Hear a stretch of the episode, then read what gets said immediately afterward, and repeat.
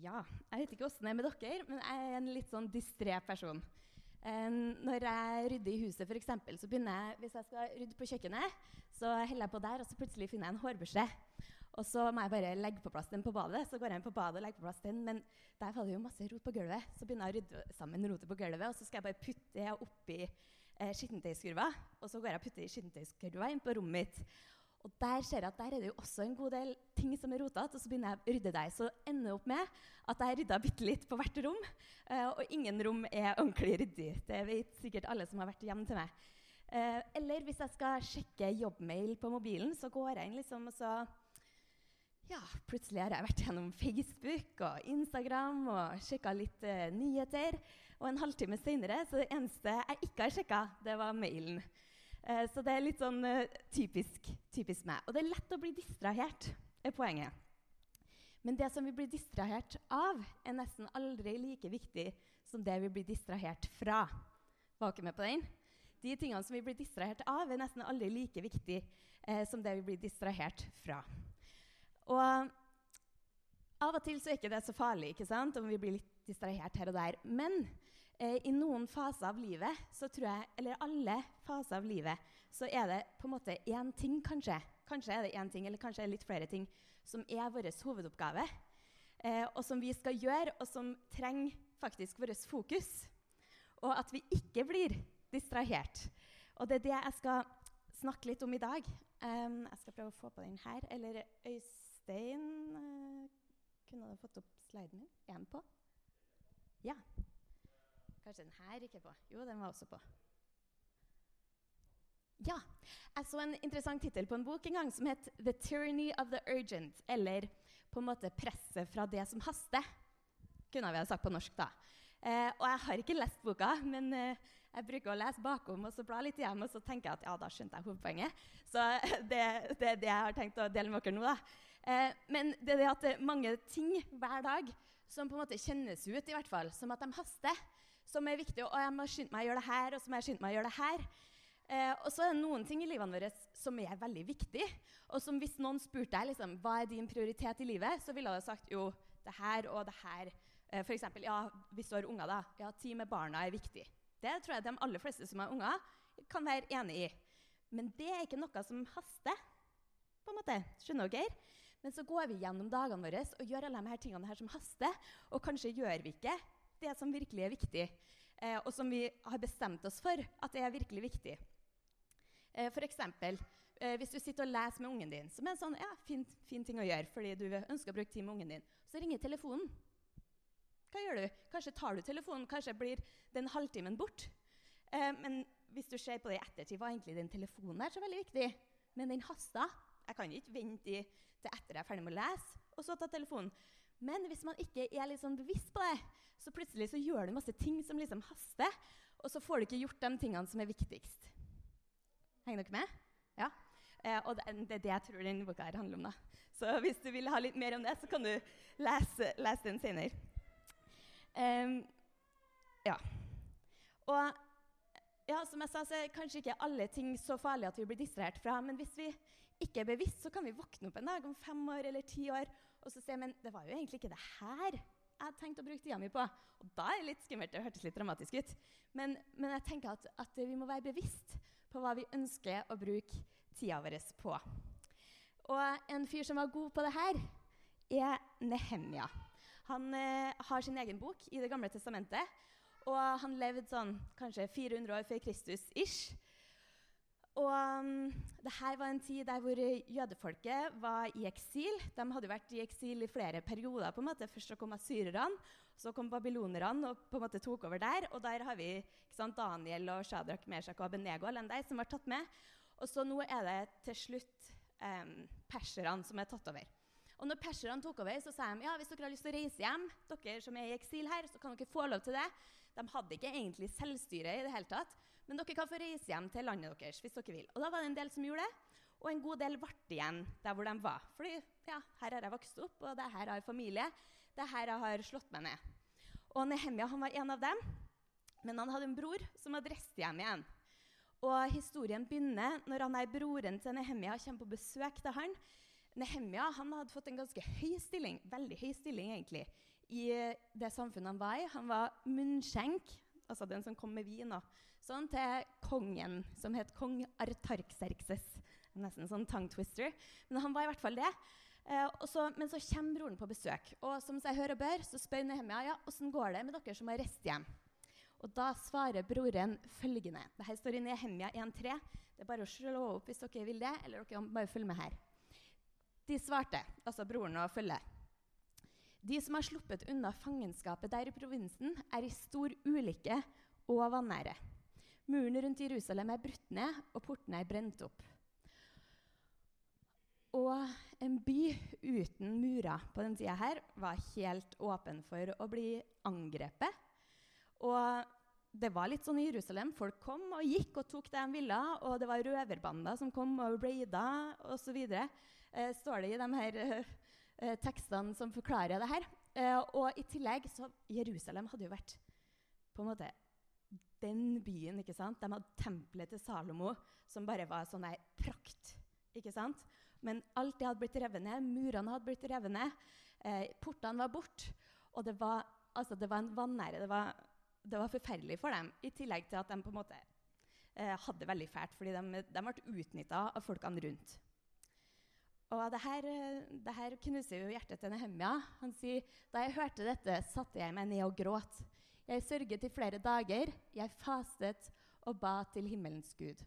Så han holder seg fast til Gud. Eh, men han ble veldig lei seg. Men så må han på jobb, og han drar på jobb hos kongen eh, og prøver å mm, ta seg sammen og holde maska. Men det var ikke så lett. Eh, og kongen sa til meg i sine hemja, 'Hvorfor ser du så nedtrykt ut?'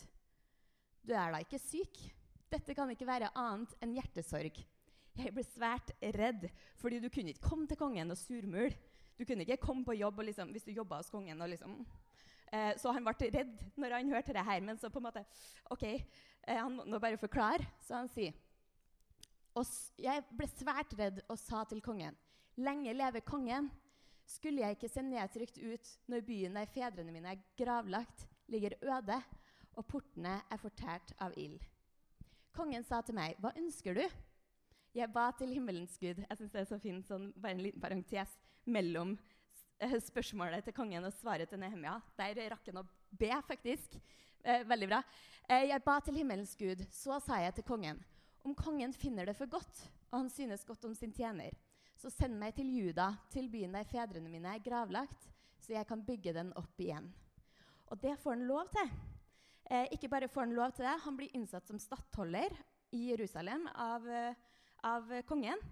Og, og de reiser. Og han får med seg brev til, på en måte som han kan gi til lederne for folkene rundt, der det står at jo, det er kongen som har sagt at jeg får lov til å ha myndighet her. Eh, og det første han gjør når han kommer dit, han er en veldig god leder, egentlig. Første han gjør, er å ta en sånn ordentlig rekognoseringsrunde gjennom Jerusalem og ser at jo, alt er jo helt, helt ødelagt. Det hadde vært ødelagt ganske lenge. De hadde hatt tid til å på en måte prøve, men de hadde ikke gjort noe. Og så på en måte ber han til Gud, og så samler han sammen alle de lederne i, i byen, alle stormennene, alle dem som har noe å si, og så prøver han å sette litt mot igjen. Så sier han dere ser hvor, hvor ille vi har det her. Jerusalem ligger i ruiner, og portene er brent opp. Kom, la oss bygge opp igjen muren rundt Jerusalem, så vi ikke lenger må leve i vanære. Jeg fortalte dem også hvordan Gud holdt sin gode hånd over meg, og, kongen, og hva kongen hadde sagt til meg. Da sa de, la oss gå i gang med å bygge, og de tok fatt på det gode verket. Så innsetter en folk til å bygge opp egentlig rett ved siden av der de bor. Det er ganske artig. Han er veldig lur, han her. på en måte, For da folk kjenner at ja, men nå bygger vi for oss sjøl her. Rett ved siden av husene sine så er de ute og bygger sånn slekt for slekt osv. Og, eh, og, og de kommer ganske langt. Eller de på en måte er godt i gang. Men da begynner trøbbelet. For de folkene som var rundt, de hadde vært vant til å utnytte seg av de folkene her. De var helt ubeskytta, og de kunne bare komme og gå som de ville og ta det de ville. ikke sant? Eh, men nå, hva skjer her?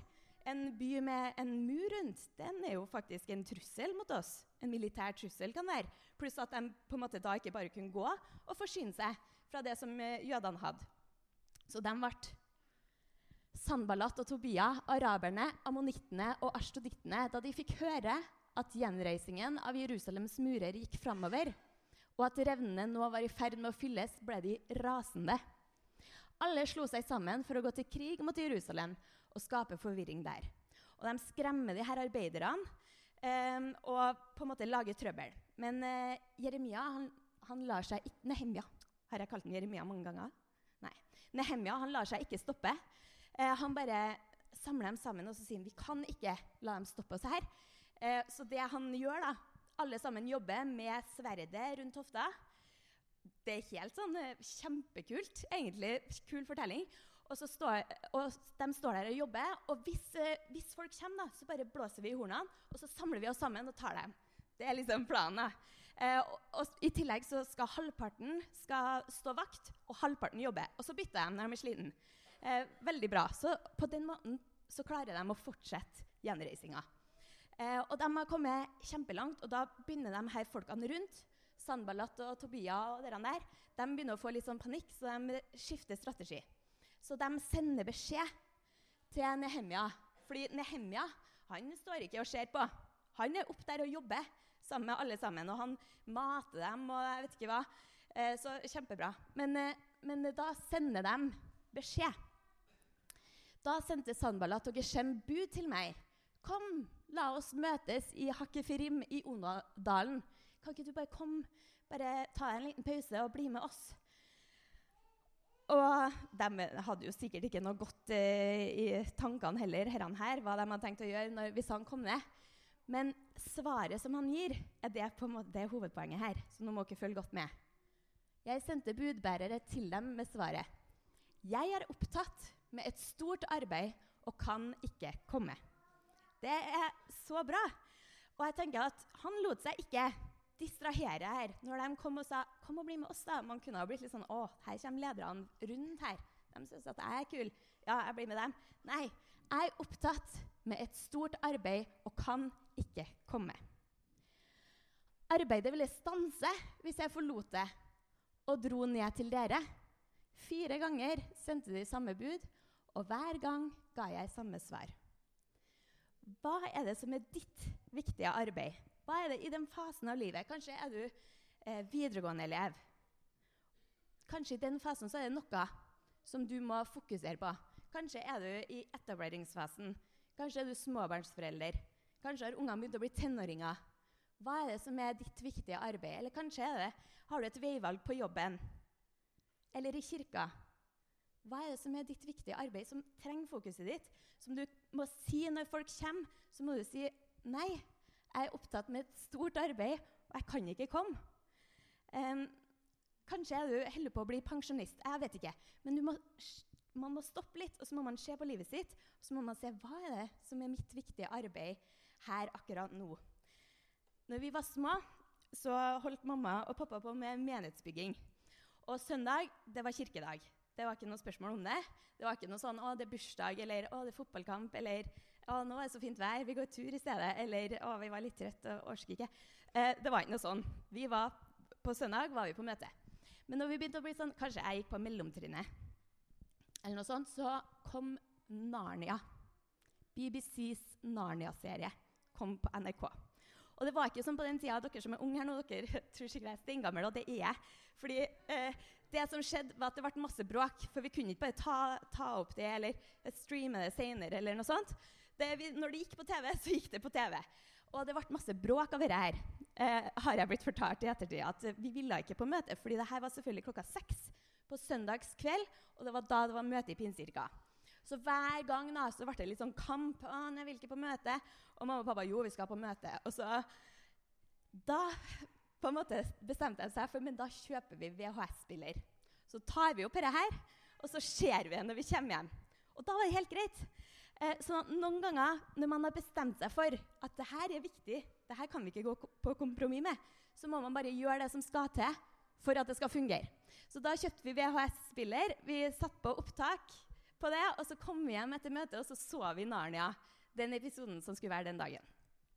Og jeg tenker Vi må være litt sånn, vi må vite vi kan ikke bare Å ja, ja, ja, OK, da. Da kan én være hjemme, og så ser vi det. det. går ikke an. Du må bestemme deg for hva er ditt viktige arbeid. Og så må vi også ikke la samfunnet bestemme hva som er vårt viktige arbeid.